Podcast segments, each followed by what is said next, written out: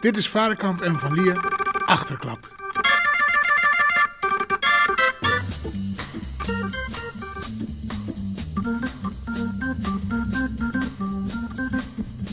We zitten vandaag vooral in Frankrijk. We hebben Dexter Gordon, Miles Davis, sterke verhalen. En we gaan kijken of het allemaal klopt met Hans Dulfer, die zelf ook nog een fantastisch verhaal heeft.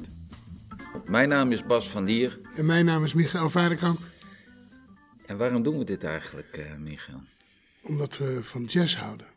En eh, Ja, en de verhalen van jazz voornamelijk. De reden, dat vooral. ja, de reden dat ik van jazz in ben gaan houden, is om die verhalen die die eh, oude mannen, zo mogen we ze noemen, aan ons hebben verteld. En dat mist tegenwoordig wel een beetje, vind je niet? Ja, een beetje de romantische kant van de, van de jazz. En wat je, wat je vroeger las op, eh, op platen, hoe ze... Precies. En dat is allemaal ongehoord nu. Vandaar ook dat we ook vinyl draaien. Uitsluitend vinyl.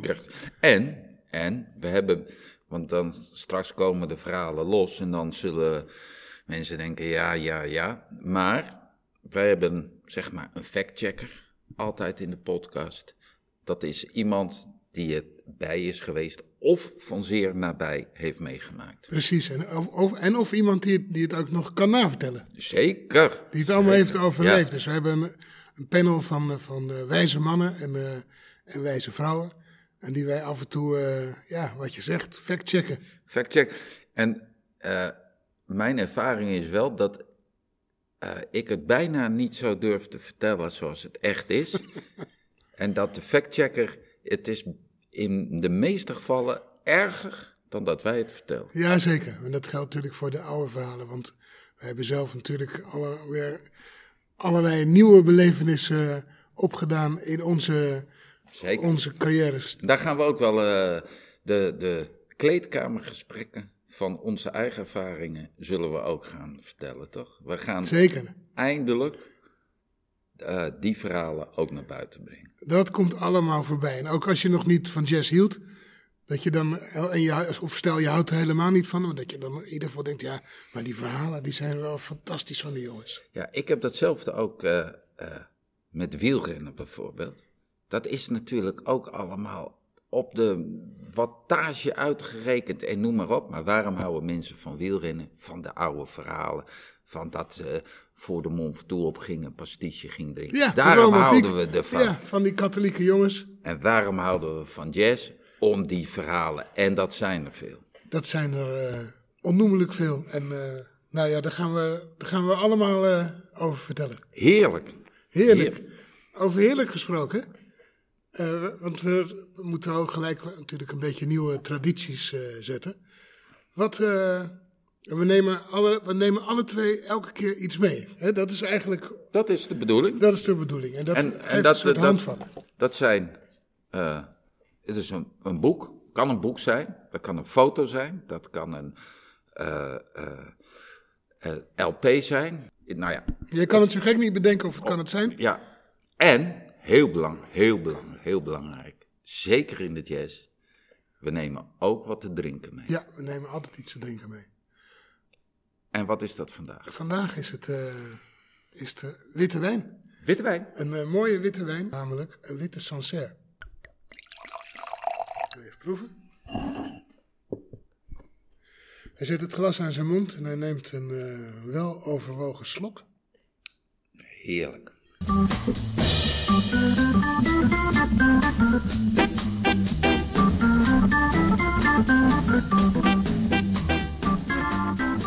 Wat heb jij meegenomen vandaag, Bas? Ja, ik heb eh, een van mijn favoriete boeken meegenomen. Dance of the Infields. En dat is eh, eh, een boek over Bepaal. En dat is eh, in Parijs. Hij was een enorme fan eh, van jazzmuziek in de jaren eh, 50.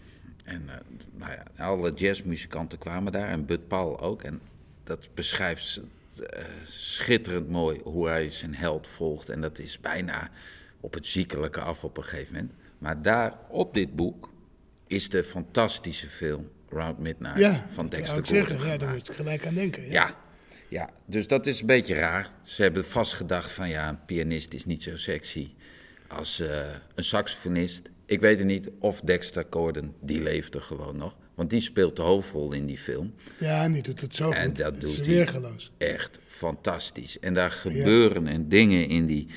Kijk, als je het over sterke verhalen hebt, zie je dat wel in die film heel mooi terug.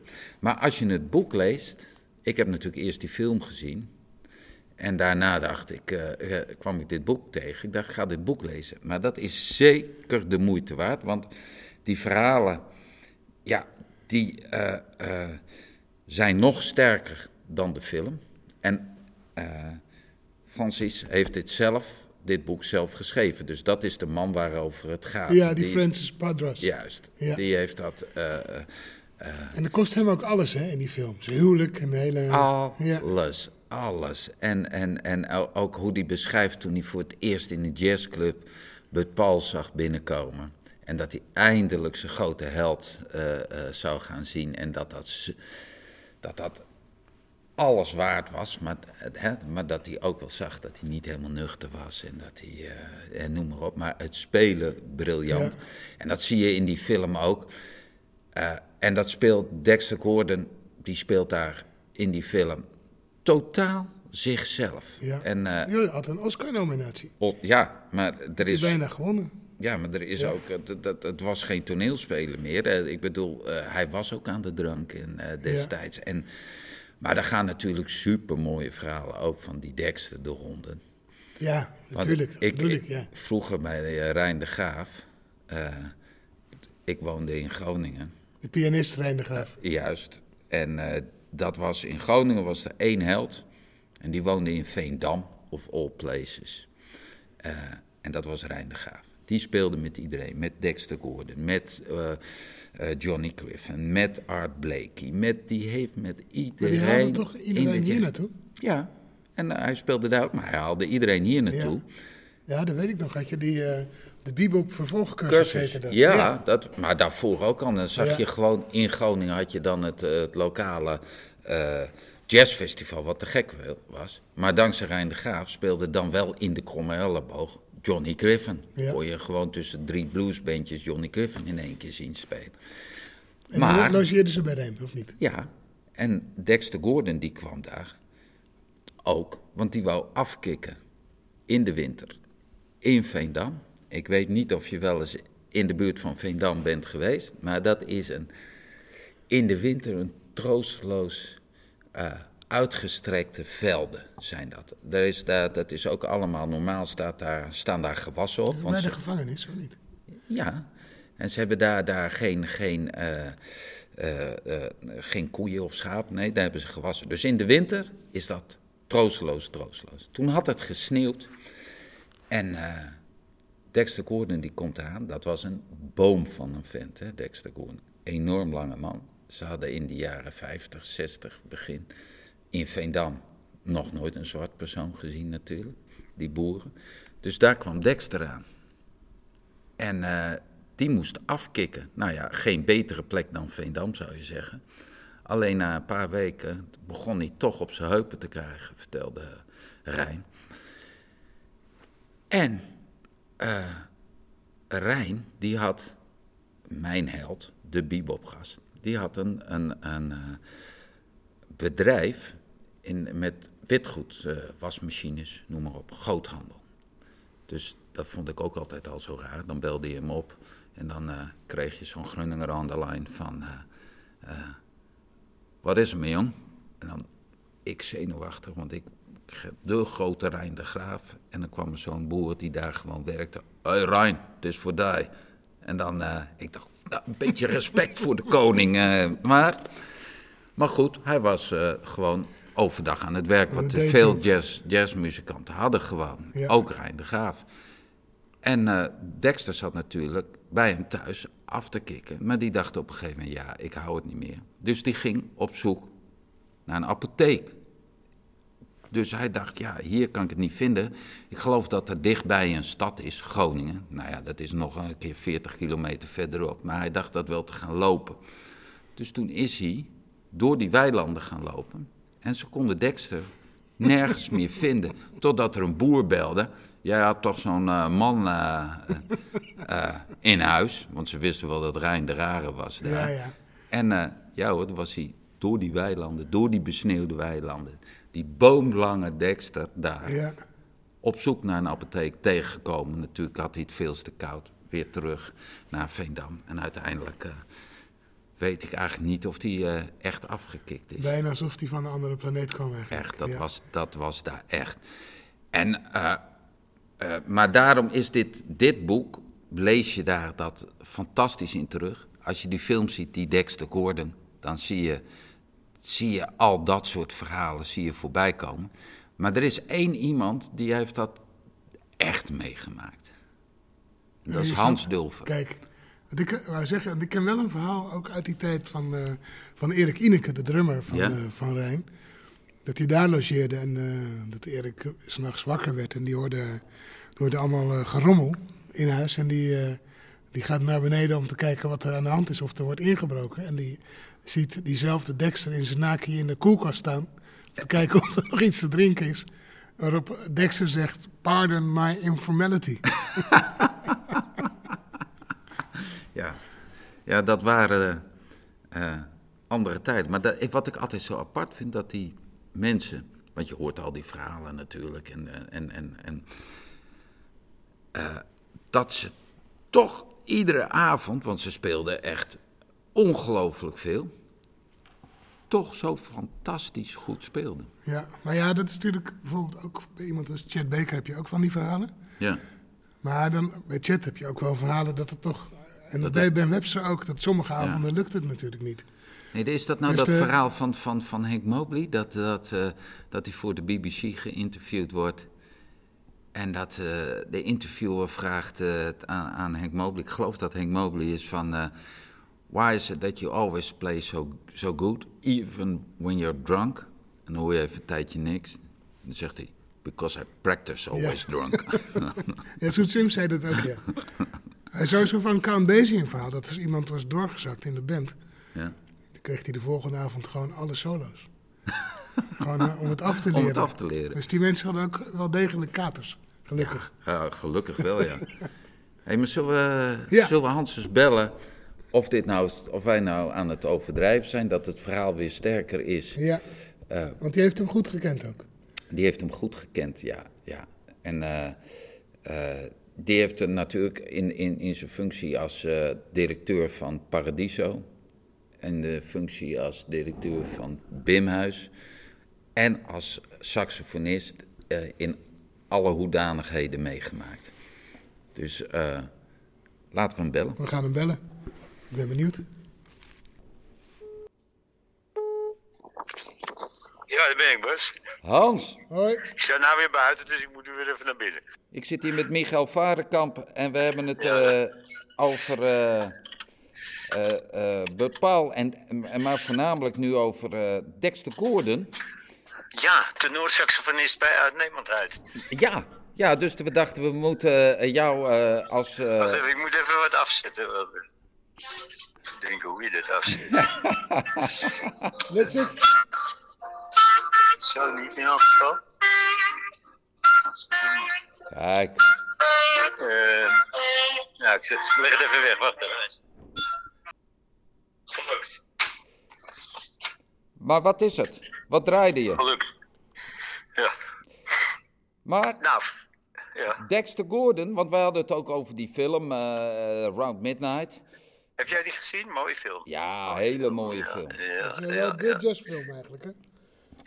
Ja, ik vind het fantastisch. Het was ook zo leuk omdat je dan goed kon zien eh, tussen de echte muzikanten en die daar in Parijs rondhingen zo'n beetje. Dat was een duidelijk, eh, duidelijk verschil. Ja. Maar goed, eh, daar, daar bellen we niet over. We bellen over Dexter Gordon als een... eh, ja, hij is ook een eh, artiest geweest eigenlijk. Een, eh, een filmster is hij geweest. Ja, Twee films gemaakt.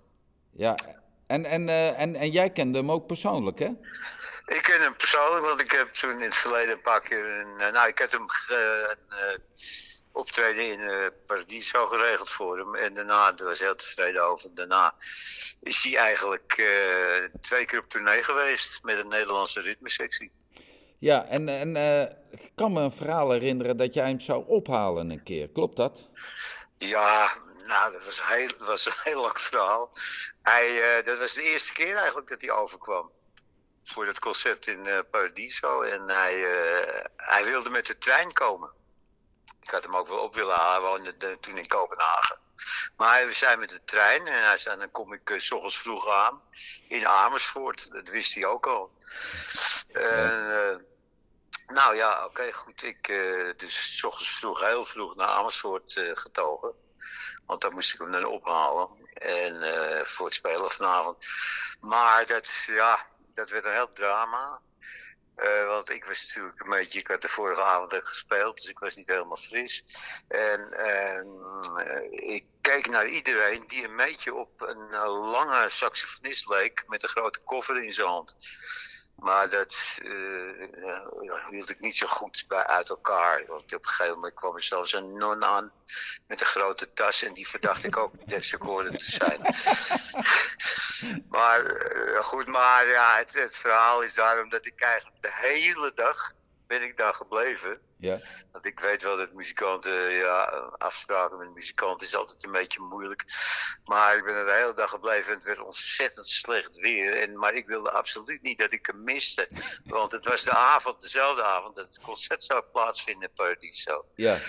Dus uh, nou, ik maar rondlopen. En uh, eerst alleen maar de treinen die van het buitenland kwamen natuurlijk. Maar ik dacht misschien is hij stiekem ergens overgestapt.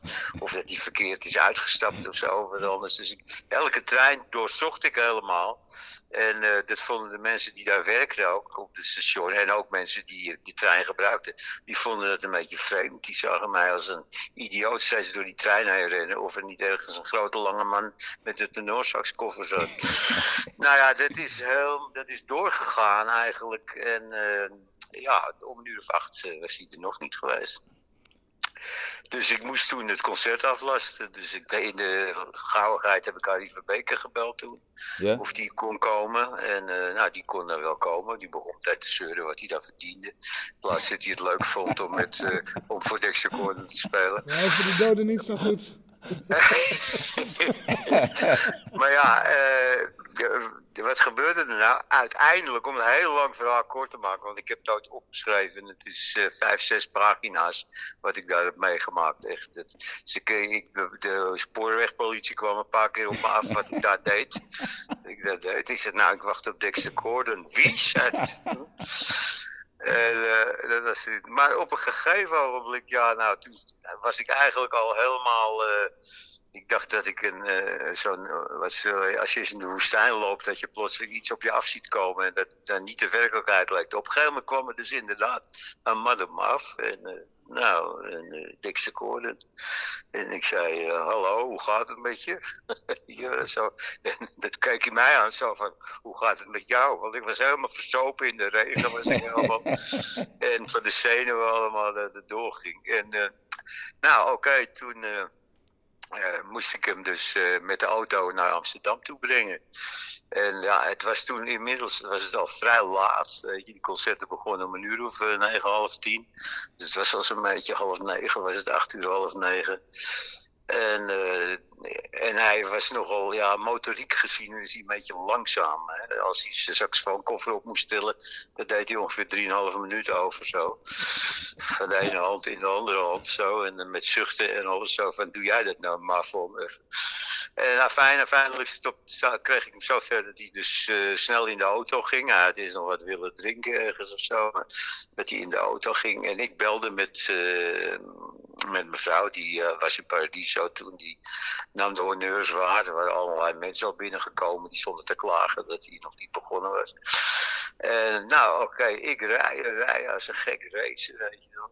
Op een gegeven moment zijn we vlak bij Amsterdam, of we rijden Amsterdam binnen. En op datzelfde moment uh, draait hij zich naar mij om en is het: Hey Dulver, hey Dulver, can you show me the red light district? Dus terwijl alle mensen zaten te wachten in Paradies op de grote Straks moest ik nog drie rondjes maken over de oude Zijds Achterburgwal, waar je toen nog kon rijden. Tegenwoordig niet meer. En, uh, en toen heb ik hem dus, nou ja, ik was dodelijk vermoeid. Natte kleren, een heleboel heb ik hem afgeleverd.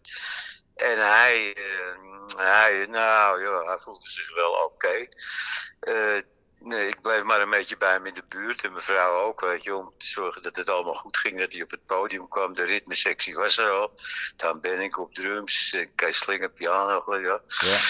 En... Uh, nou, dat, uh, op een gegeven ogenblik uh, ging hij spelen. En toen pakte hij zijn saxofoon tevoorschijn. En wat ik toen zag, toen zag ik dat hij een roze Selmer tenor had. ja, kijk, jullie lachen nou een beetje, want jullie hebben voor mij alles in zwarte gezien en de witte gezien. Zeker. En voor Wouter Kiers eentje met de Amerikaanse vlag. Maar toen de tijd was een saxofoon gewoon een tenorsaxofoon. Selmer. Was een goudglimmende saxofoon. Ja. Was, uh, was niks bijzonders. Ja, echt zag er zo fantastisch uit. En daar ging hij op spelen en uh, ja, het, klonk meteen ook ontzettend goed. Er is een uh, dubbel LP gemaakt van het optreden. En vooral omdat Han weer verschrikkelijk goed speelde. Uh, heel ja. ontzettend Dexter op zijn donder gaf. En ja, nou ja, prachtig, uh, prachtig uh, nou, mooie afloop ook en alles. En dan heb ik hem naar een hotel gebracht. En de volgende dag zou die door iemand anders naar Schiphol, naar, hoe heet het, naar Amersfoort weer gebracht worden. Om dan terug te gaan. En nou ja, hij zei eigenlijk niks erover dat hij een dag te laat was gekomen eigenlijk. Weet je? Dat helemaal niet. Maar ja, ik wou ook niks zeggen, want het was een fantastisch concert. Dus ik hield me een beetje mijn mond, weet je Zo van... Uh, yeah goed. Ik dacht, nou ja, dat is de gewoonte natuurlijk met die saxofonisten, weet je wel. Die, die vinden het heel normaal, zoiets. Maar goed, oké, voor mij uh, fantastisch. De LP die eruit gekomen, dubbel LP ook fantastisch. Ik herinner me, het het beste concert, een van de betere concerten die ik daar gehad heb. Heel goed. We zijn drie of vier, nee, vijf, ik denk nog wel meer jaren verder. En uh, opeens valt een ansichtkaart bij mij in de bus. En ik kijk erop en ik zie uh, een vliegtuig staan op een vliegveld. En ik kijk dus op een vliegveld in Amerika. En ik draai hem om en op de achterkant uh, stond Toe Hans Dolfer, stond Amsterdam, Europe. Verder niet. Dat vond ik al fantastisch natuurlijk. ja, dat was voor mij wel uh, de, goed. Uh, Amsterdam. Zo. Echt, echt werkelijk. Je krijgt tranen in mijn ogen, weet je wel. En, en weet je wat er links onderop stond? Ik heb hem nog hoor, je kan het zien. Ja. Thank, thank you for waiting. Ah! Hij had helemaal niks gezegd, weet je. Geen excuus aangeboden van uh, ik ben in de verkeerde trein gestapt of zo. Of wat En jaren later. Gezegd. En jaren, jaren later. Thank you for waiting. ja, En dan, dan alleen maar stond er op Hans Dulver uh, Amsterdam Europe. En toch, Agen, wat een verhaal. Ja, ja, ja nee, ik, ik vond het fantastisch gewoon. Ja. Echt werkelijk. En uh, ja, ik heb met die man zoveel goede dingen meegemaakt. Maar Hans... Moet je maar meer horen? Of nou, we, Hans, één klein dingetje. Want jij wist ook zoiets moois. Want we hadden het net over die film van Dexter Gordon. Ja, maar daar had jij ook nog een klein verhaal over. Nou, ik heb op een gegeven moment, ik vond het fantastisch, weet je, toen ik hoorde dat ik die film ging maken, alles en zo. En uiteindelijk uh, kreeg ik ook nog contact met de mensen in Frankrijk die dat gingen doen allemaal. Nou, uh, business op een gegeven moment. En het mooiste was nog, toen ik, uh, toen het afgelopen was eigenlijk, hè, en de film ook al uit was, kreeg ik opeens opgestuurd een groot dikke pak ja. En dat heette The Making of Roundabout Round Midnight. Nou, dat vond ik helemaal fantastisch. Dat kwam waarschijnlijk omdat ik contact had gehad met die Fransen. En ik had ook wat dingen verteld over teksten en zo. Uh, en, uh, en toen ben ik het gaan lezen. Ik heb het ook nog, dat boek. Dat ja. moet wel opzoeken, maar ik heb het nog wel. Maar op een gegeven moment kwam ik iets bijzonders tegen. Dat was zo dat de opnamen waren op een gegeven moment drie maanden stilgezet. Ja, waarom? Nou, en wat bleek? het is een verhaal. Wat bleek nou? Uh, hij had altijd contact met een favoriete hoer. Dat was een hoer die had één been. De andere been was afgezet. En daar had hij mee ruzie gekregen. en die had hem keihard in zijn lul gebeten. Ja, jij denkt dat ik onzin vertel, maar het staat er echt in. Nee, Hans, als jij het zegt, dan is het waar. Toen heeft, toen heeft hij en niet kunnen lopen. en ook niet met zijn saxofoon kunnen zwaaien. Drie maanden lang. En zo lang waren de opnames stilgezet. Jee, Miniki, wat een verhaal al. Ja, ja. Wij gaan hem eens even draaien hier. We bellen snel weer. Oké, goed. Want ik heb er nog wel een paar ook hoor. Ook van hem. Hans, dus, we, willen alles horen binnenkort. Oké, okay, goed Hartstikke... zo. Heel succes ermee, hè? Bedankt, Hans. Super. dat eerste verhaal kan je nalezen in mijn boekje, wat ergens te krijgen is. Maar als Dum Dum heet dat. Dum Dum. Dum Dum. Ja, daar staat het eerste verhaal in. We gaan het opzoeken. Oké, okay, veel plezier, jongens. Dankjewel. Okay. Hoi. Hoi. Ik bedoel, dit, is, dit, dit is het toch? Hans Zilver factchecker uh, van de week. En met, ja, die, we gaan hem binnenkort gaan we hem weer bellen, want die man die zit vol waanzinnige verhalen. Maar de echte verhalen zijn toch altijd nog, nog, nog veel mooier dan, dan, dan, dan dat wij ze kunnen bedenken. Ja, want dat van die, uh, van die, van die lievelingsdame uh, van Lichte Zeten, dat verhaal heb ik nog nooit ergens gezien.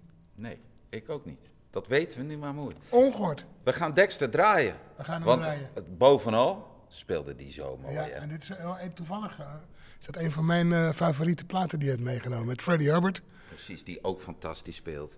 Barry Harris. Bob Crenshaw. En Billy Higgins. Van de plaat Clubhouse, Hanky Panky. Dat hebben wij laatst ook nog gespeeld.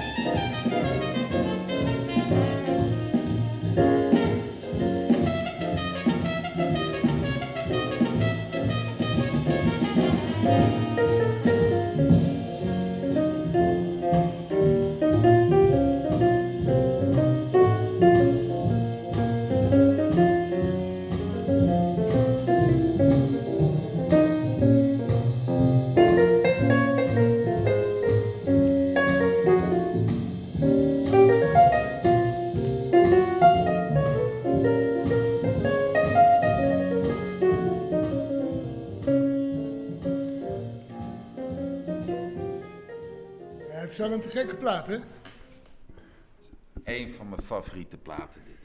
En wat Echt. ik zo mooi vind bij, eh, bij Dexter, dat, je, je, hè, dat hij zo 3,5 minuut nodig had om zijn saxofoon op te tillen. Ja, Dat je gewoon, ja, zo speelt hij eigenlijk ook. zo speelt hij ook. Zo laid back. Maar ik had hem niet voor me op het netvlies met een roze saxofoon, moet ik dan wel weer eerlijk zeggen. Ja, dat eh, heb ik ook nog nooit gehoord. Nee.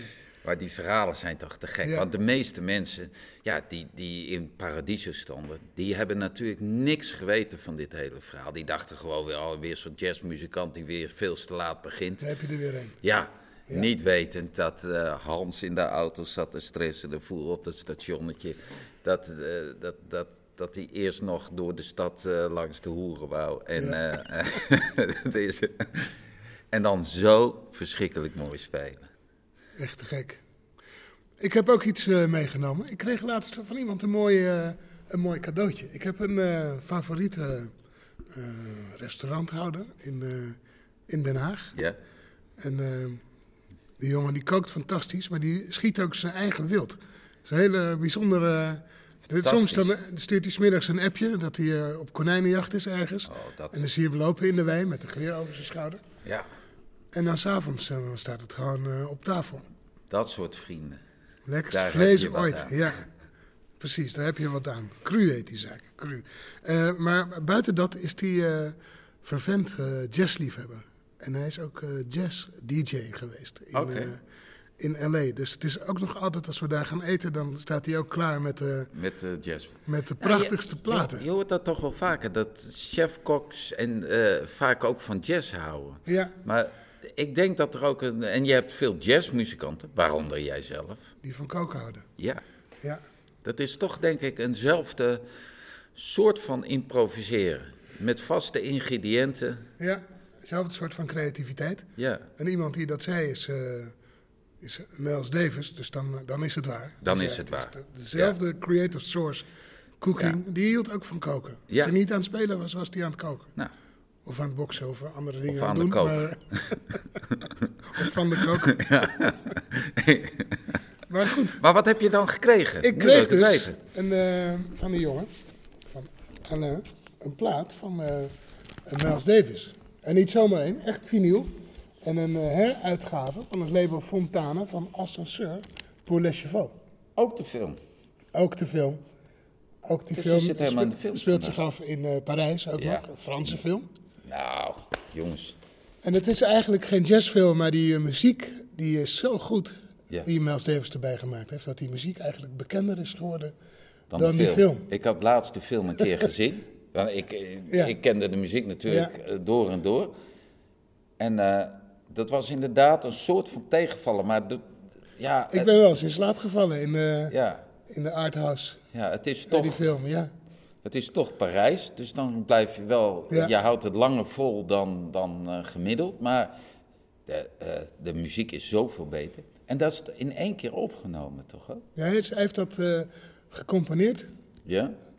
of geïmproviseerd terwijl hij die film aan het kijken Aan het was. kijken en was. dan vroeg jij aan mij vorige week, neem een foto mee. Ja, En dan is het grappige dat bij deze Fontana heruitgave. Zie je dat beeld, die foto van Mels? Dat hij aan het spelen is. En terwijl hij naar die film kijkt. Fantastisch. Wat een blik, hè?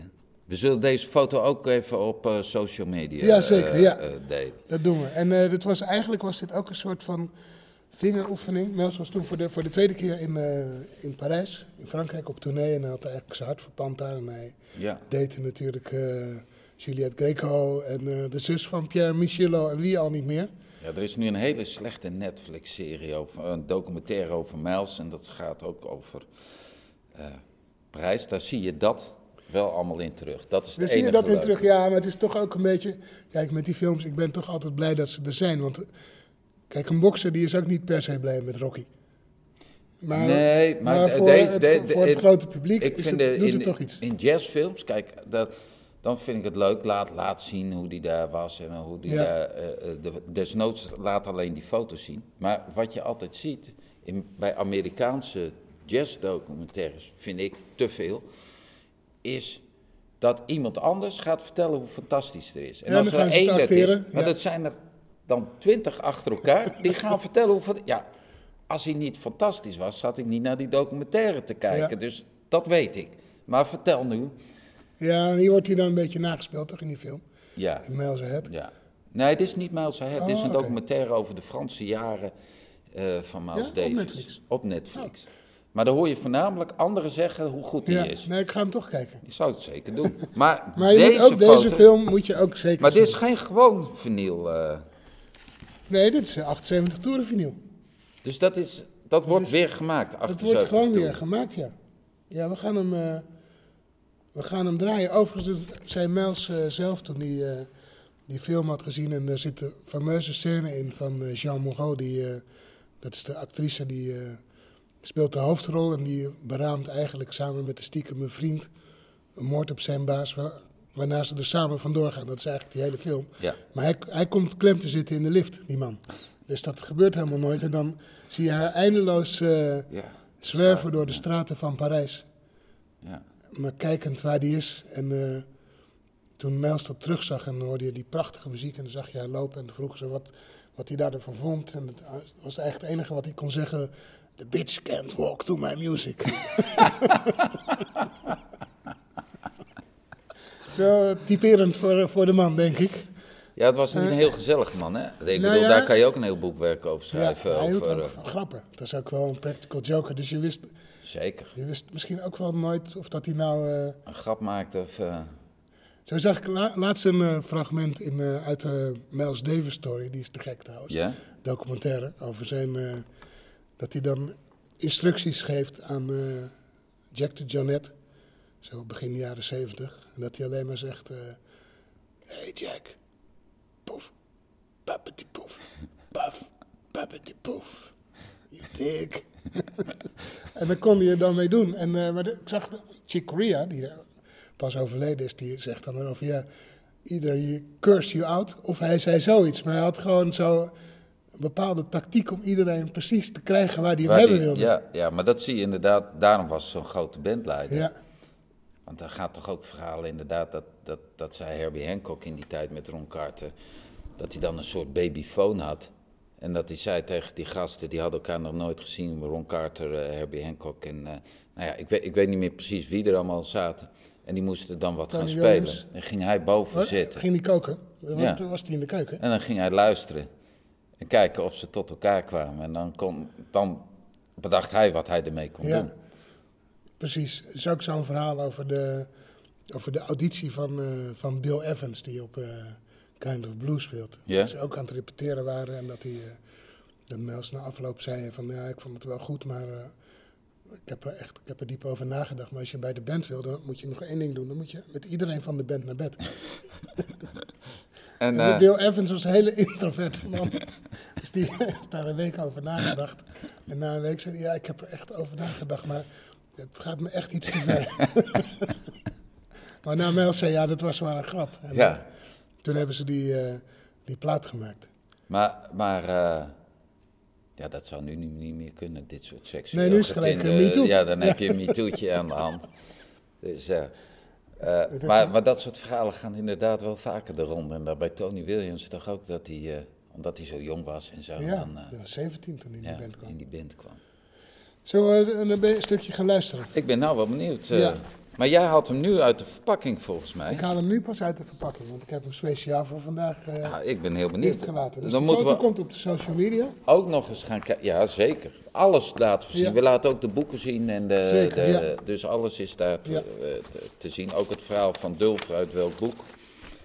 Maar eh, het volgende probleem dient zich aan. Ah, Wij zitten hier en gaan nu ook eens kijken of die echt 78 toeren heeft en hoe dat gaat werken. ja, en dan gaan we gewoon het eerste stuk doen, generiek. Oké.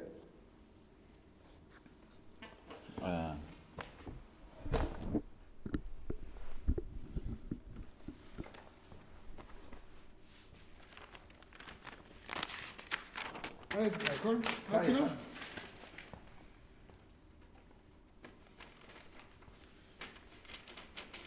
Eh, volgens mij moet hij dan zo. Oh ja, kijk. En is dit 78. Maar dan, als je zo doet, dan gaat hij... eh, En zo gaat hij aan. Ik ben hier zo slecht in. En dan moet je hem erboven zitten. Wacht even. hoe zit het? Ja. Maar, daar heb ik een pannenbord. Kijk. Dan moeten we hem wel weer even aanzetten. Zo zijn we wel een beetje oud.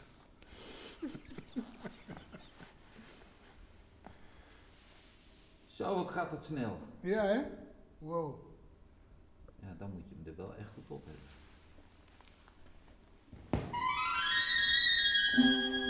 Dat klopt niet helemaal, Bas. Ik weet het.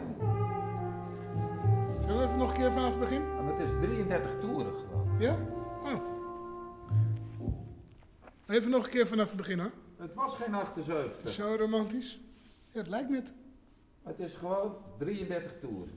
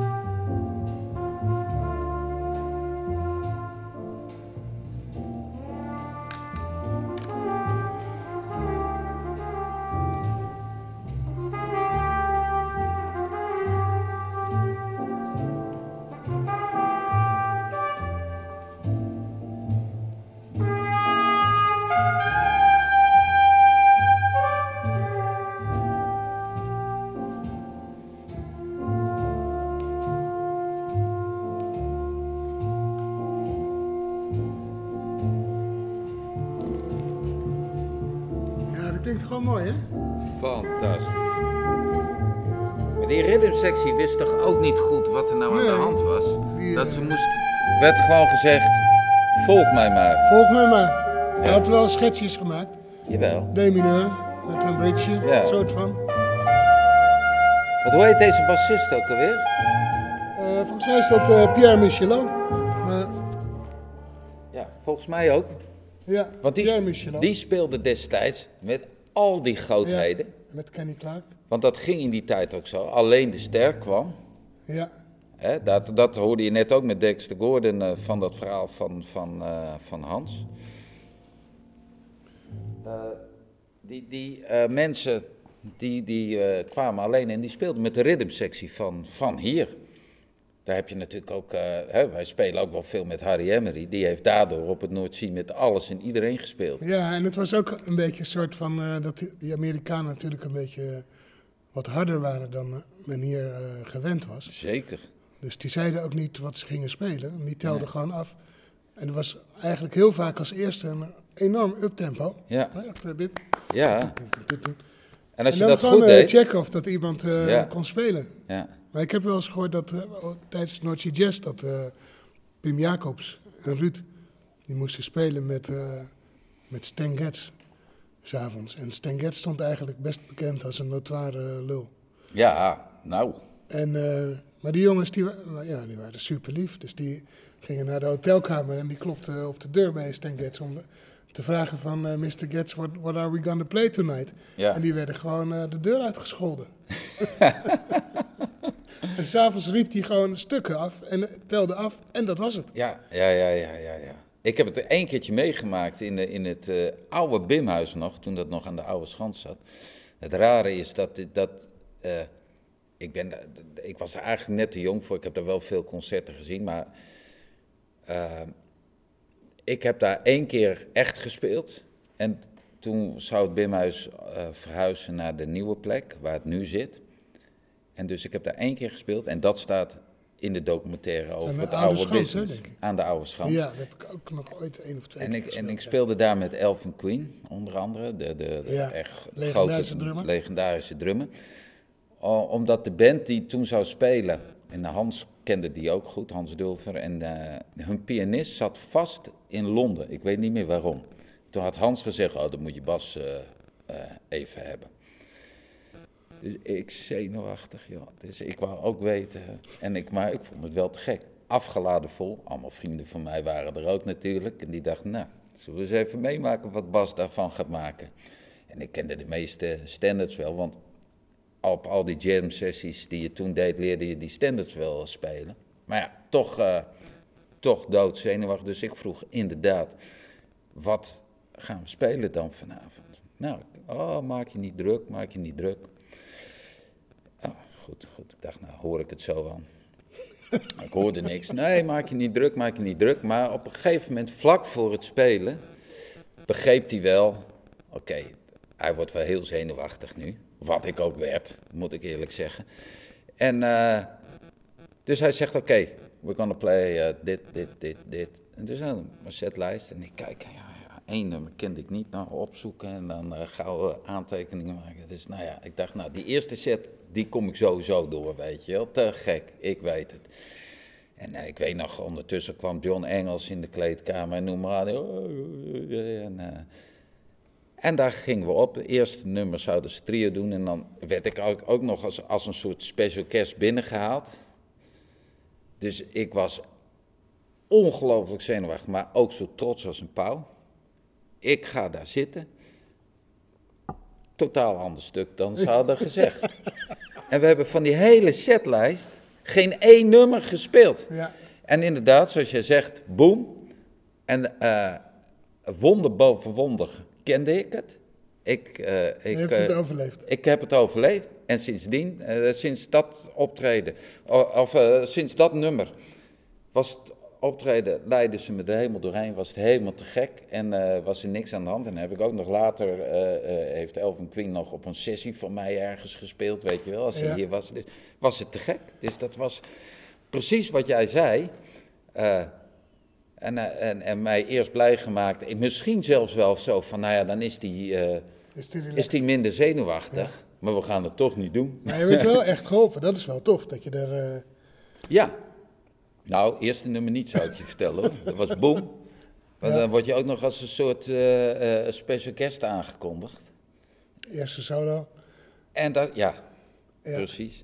Nou ja, jij zult het ook wel meegemaakt hebben. Maar dat is echt... nou ja, als dat dan lukt ben je ook weer zo blij als het maar kan. Ja, ik ken een verhaal, misschien tot uh, besluit, van deze ongehoord. En een uh, bassist die... Uh, de, de bassist van Art Blakey, die in Rotterdam moest spelen, die, uh, die zat ook vast ergens. Ja. Precies zo'n verhaal. Bassist gevraagd, gebeld en helemaal die jongen zich ook zenuwachtig gemaakt. De rest van de dag stik, stik zenuwachtig. En hij wil, het is acht uur en hij wil net het podium opgaan. die stormt te binnen. Nee. Die bassist, ja. Daarover ging uiteraard nog heel lang de, de grap van iemand die, die bijna bij Art Blakey had gespeeld. Ja, ja, ja, ja. ja, schitterende verhalen. Zullen we nog uh, een uh, plaatje draaien tot, uh, ja? tot besluit? Ja, ik, jij of ik? Wie gaat er... Nou, je had natuurlijk, om nog even naar het begin, je had het over jouw boek Dance of the Infidels. Ja. Van Francis Padra. Ja.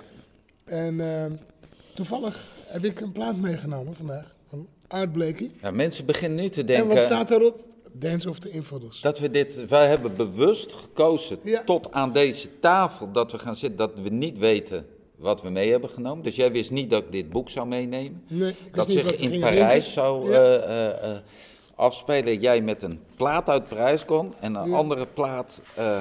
maar ja, misschien dat, is dat ook de jazz. Hè? Dat is nou echt jazz. Dat is misschien in de kern jazz.